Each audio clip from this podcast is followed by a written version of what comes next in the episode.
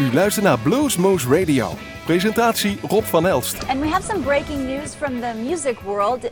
One of the best known blues guitarists, a blues legend really, has died. Johnny Winter was found dead inside a Switzerland hotel room late last night. The guitarist, singer, and music producer was 70 years old. Here's some video of him. Winter rose to fame in the 1960s and 70s. He was really known for his Texas style blues and rock and roll. And on Facebook this morning, I'm seeing a lot of outpouring of support for his family as well as on Twitter. Winter was on tour in Europe. Les tendances du net au Royaume-Uni, les Britanniques rendent également hommage à un artiste sur la toile. Le guitariste texan Johnny Winter est mort à 70 ans le 16 juillet à Zurich, en plein milieu d'une tournée qui devait le mener d'Europe en Amérique. Il venait de se produire en France au festival de blues de Cahors. Texas blues icon Johnny Winter, who rose to fame in the late 1960s and 70s for his energetic performances and musical collaborations including with childhood hero Muddy Waters, has died. He was 70.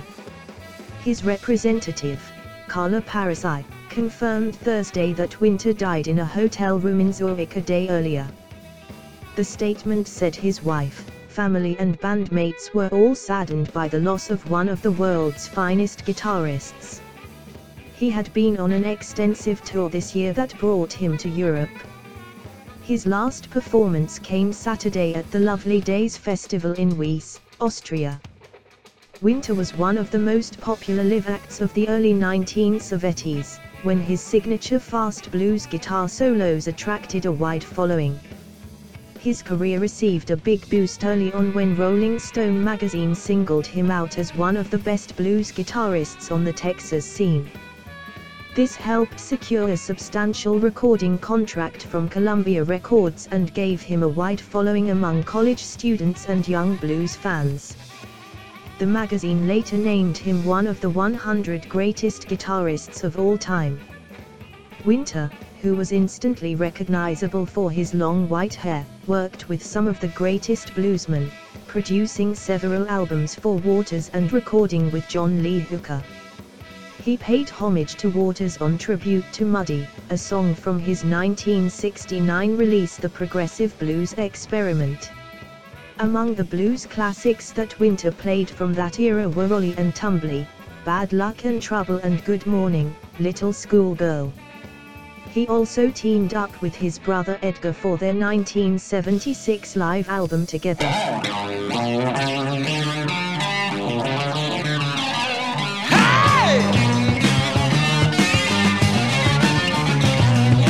Can't stop thinking about you. Wonder why you're not around.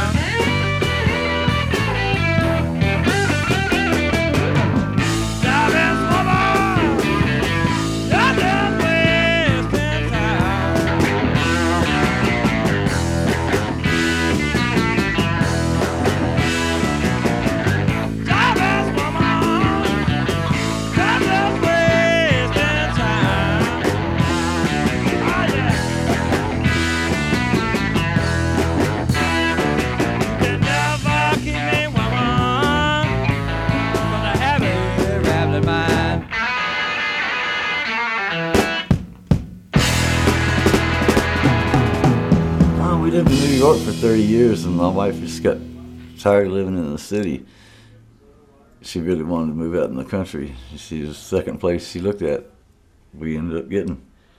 It's real nice. Is it a farm kind of? No, it's not like a farm. It's just in a small town.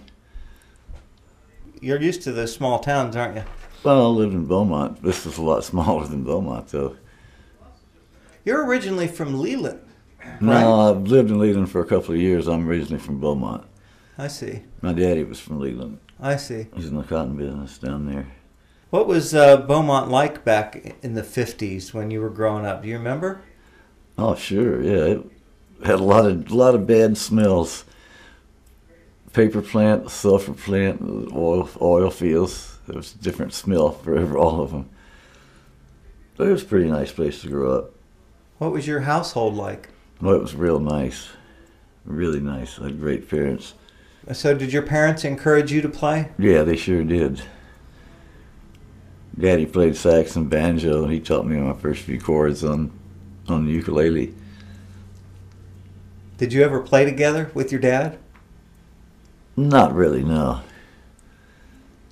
Was your mother a, a musician as well? She played a little piano.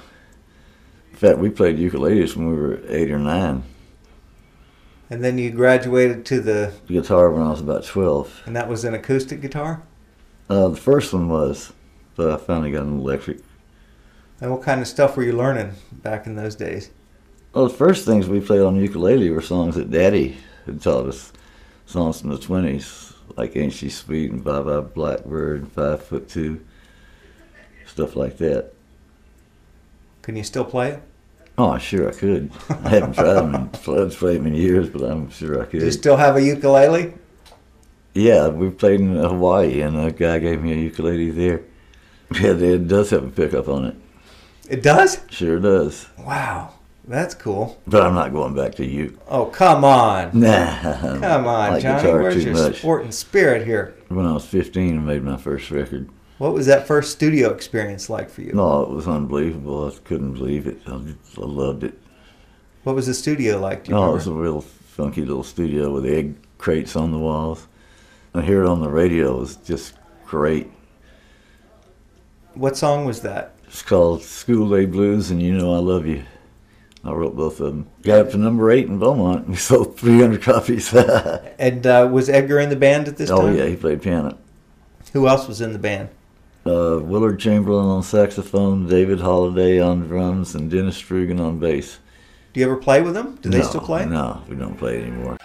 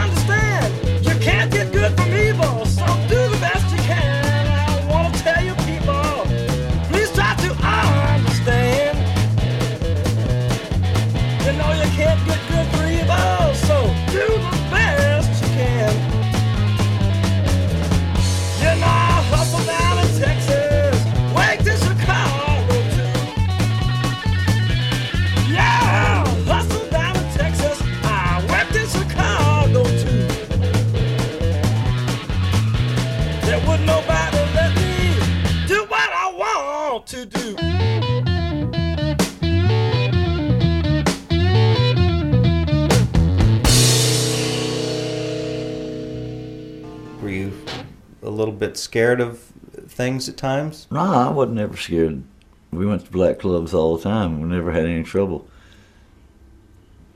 Where did you first start hearing that type of music? On the radio, And you heard that stuff and just fell in love with. immediately as soon as I heard it. And Edgar didn't have the same response to all that, did no, he? No, he wasn't ever a blues freak.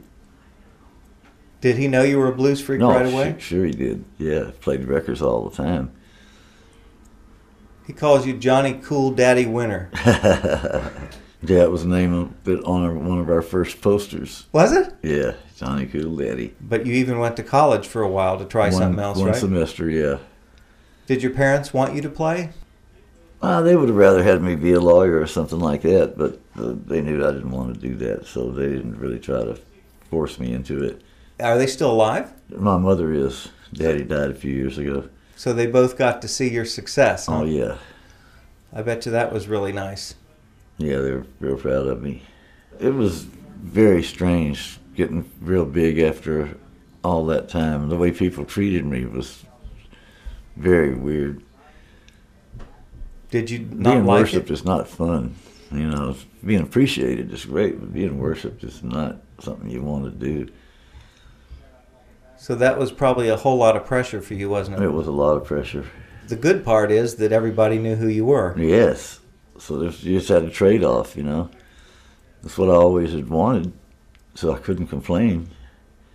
What would you do different if you had to do it over again? I don't think I'd do anything different. U luistert naar Bluesmoose Radio.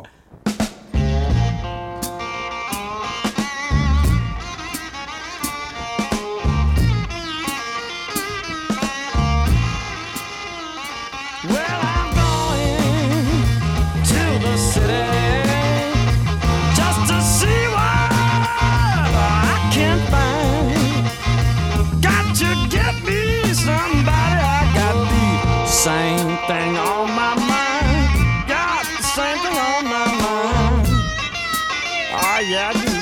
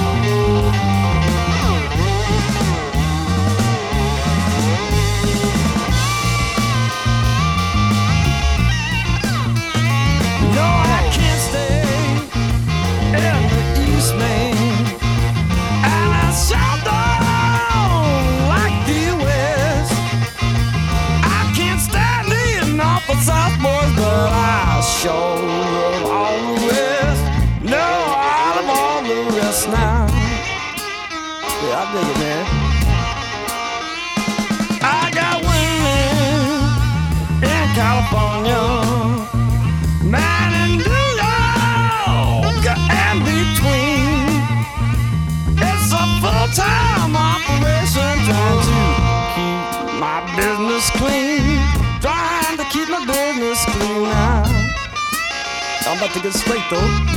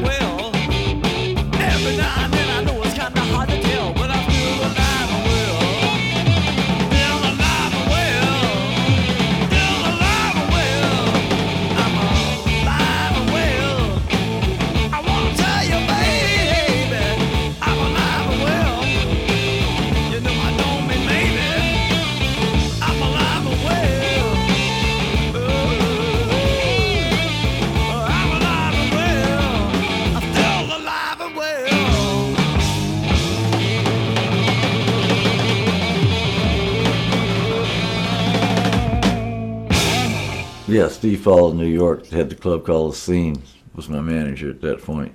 He flew down to Houston and uh, said he wanted us to come to New York, and we were real glad to do that. Did you record immediately? Not immediately, no. It was, it was about a year after that that we signed with Columbia. And was the Fillmore gig the first time at the Fillmore around that time? First time I ever played the Fillmore was with Mike Bloomfield. Oh, really? I sat in with him. Oh, it was a great place. What was that like? Did you feel like you'd made it? Oh yeah. Nah, Steve wanted me to play more rock and roll, and the band I had wasn't a rock and roll band; it was a blues band. And after a couple of years, uh, he had the McCoys stand up at his house right next to mine, and we just started jamming together, and decided that would be a good thing for us to get together. Rick is a good blues player. Oh yeah, he is. Well, it just worked out fine. And you worked with him for quite a while. Yeah, we did. And you're still doing stuff, right? Oh, we play together once in a while, yeah.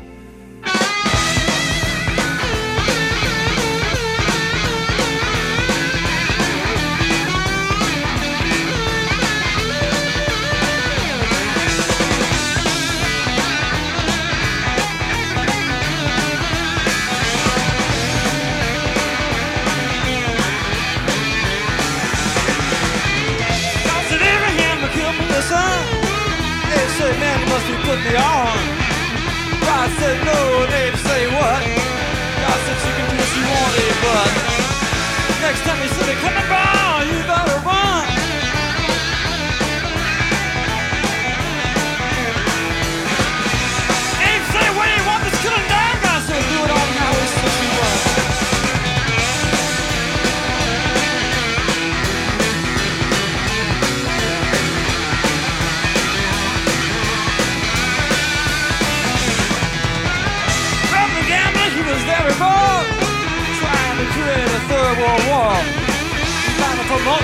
Fell off the floor. Still have engaged this of shit before, but yeah, I can be very.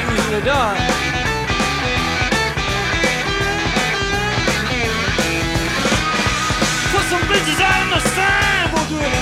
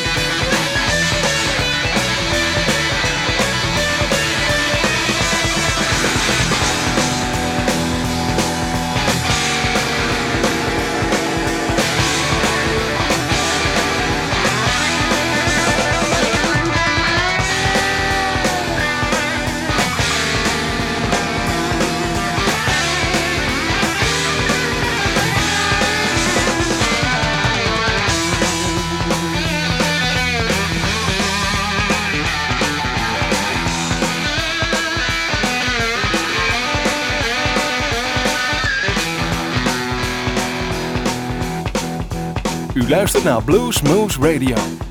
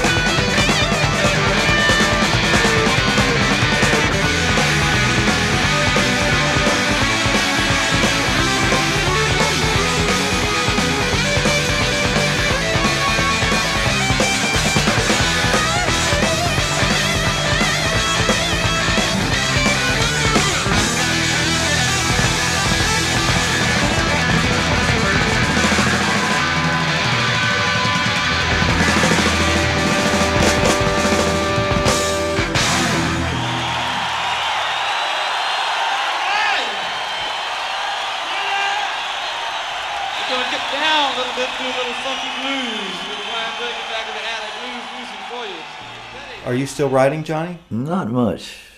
I'm going to try to get back into it. What inspires you to write? Well, if I was inspired, I'd do it. I had nothing right now. Do you um, write more when you're d- depressed or when no, you're don't do anything when you're depressed except feel bad. But I haven't been depressed in a long time. That's good. You had a time with that, didn't you? So I sure did. And the issue that we all kind of went through with the partying and the substance and yada yada yada, you really had a hard time with that stuff. Real hard time, yeah. How did you manage to get out of that? Well, I put myself in rehab Where was that? in New Orleans. Really? How long was that? Nine months. Wow. And it worked. Yeah. What woke you up to the fact that you needed to do something? Well, as soon as I found out I was addicted, I couldn't stand it. You know, I wanted to die. I really thought I was going to there for a while. It's pretty scary, isn't No, it it? was terribly scary. It was just horrible. That's one thing I'd change if I could. I sure would never do heroin again. How does all that get started? No, I was just not feeling that great about things. It was really hard, and heroin made you feel better. You didn't care about stuff anymore. You didn't care about the about all the fans messing with you and people coming around. It just was an installation. Well, I got it at- at a party in Los Angeles the first time a guy came up to me and gave me some for free. That never happened again. It's the only thing you've ever gotten for free, right? just about. Jeez. When you heard about Randy Jo, how did that hit you? No, real, real hard. Randy was a good friend. He was a good player too, wasn't was he? Was a great bass player. Really great. It's one of those tragic stories. Did you kind of think that that could have happened to you? Sure, it could. That's amazing. Did you ever try to talk to him about that? Well, I didn't know he was taking drugs anymore. Really? I thought he'd stopped.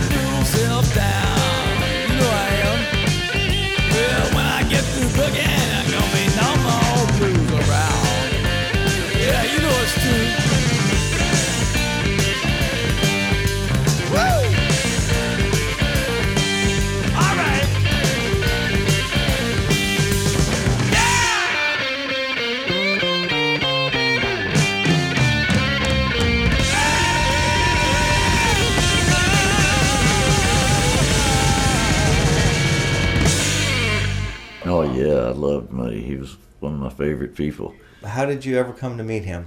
Uh, I played with him in Austin, Texas, the first time before we ever made it. We opened for Muddy, and I met him there. And then I did a TV show with him a few years later with Mike Bloomfield and Dr. John and Junior Wells, Phil Guy, a lot of people. And uh, then we decided to uh, work together. In about 76, we started recording together. That was just great. That was a whole lot of fun. The most fun I ever had was working with Muddy.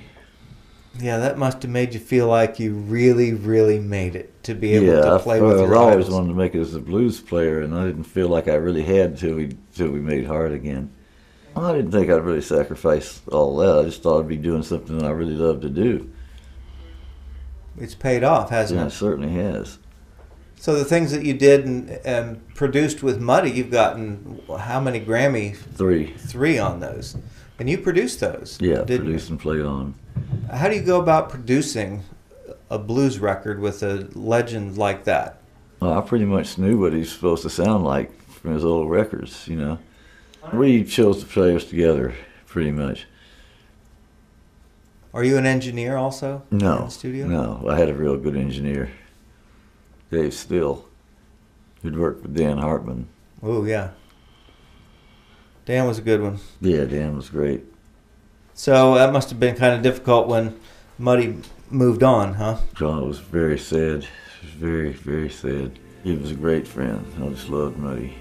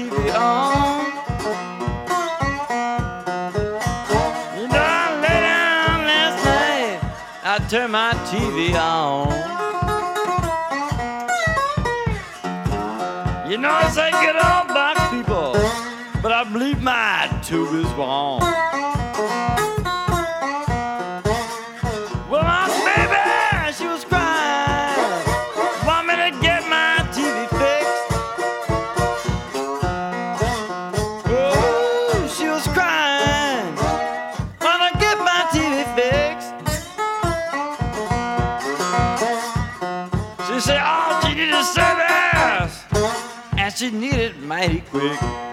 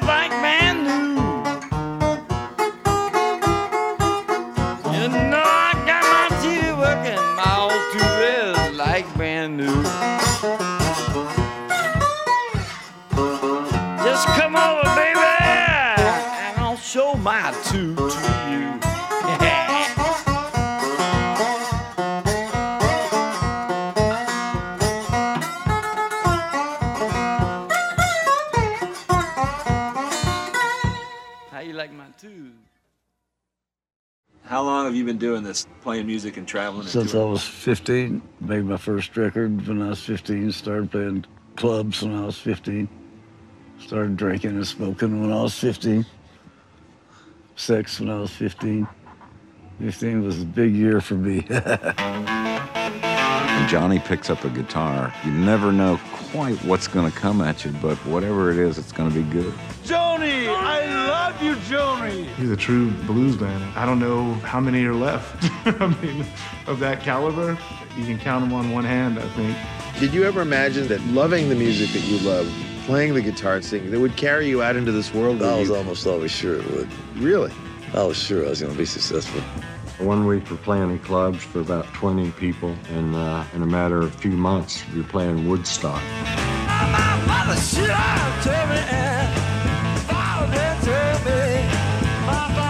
Not easy being a legend, and it does take its toll. We were doing so much coke, this guy said, I'm not selling you anymore. You're going to die. He just wasn't used to it. I think that Johnny now is really coming back to uh, being himself. I love playing guitar. It's the only thing I've ever really been great at.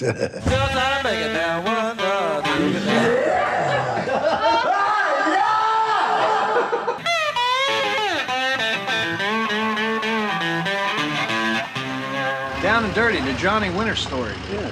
That'd be cool.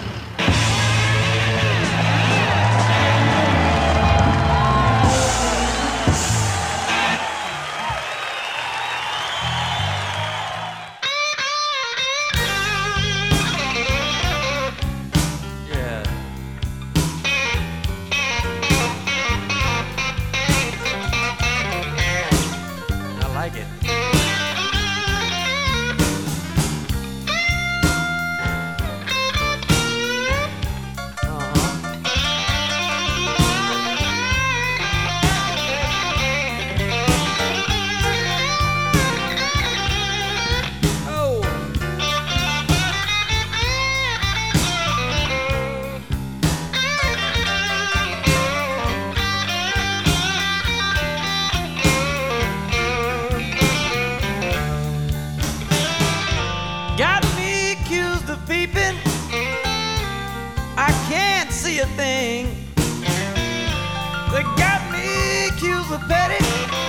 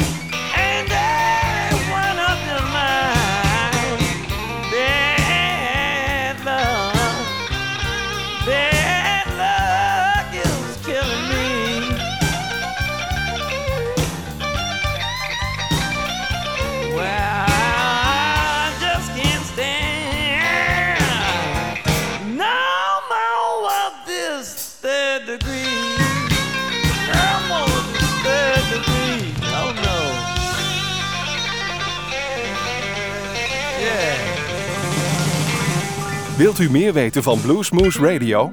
Kijk op de website www.bluesmoose.nl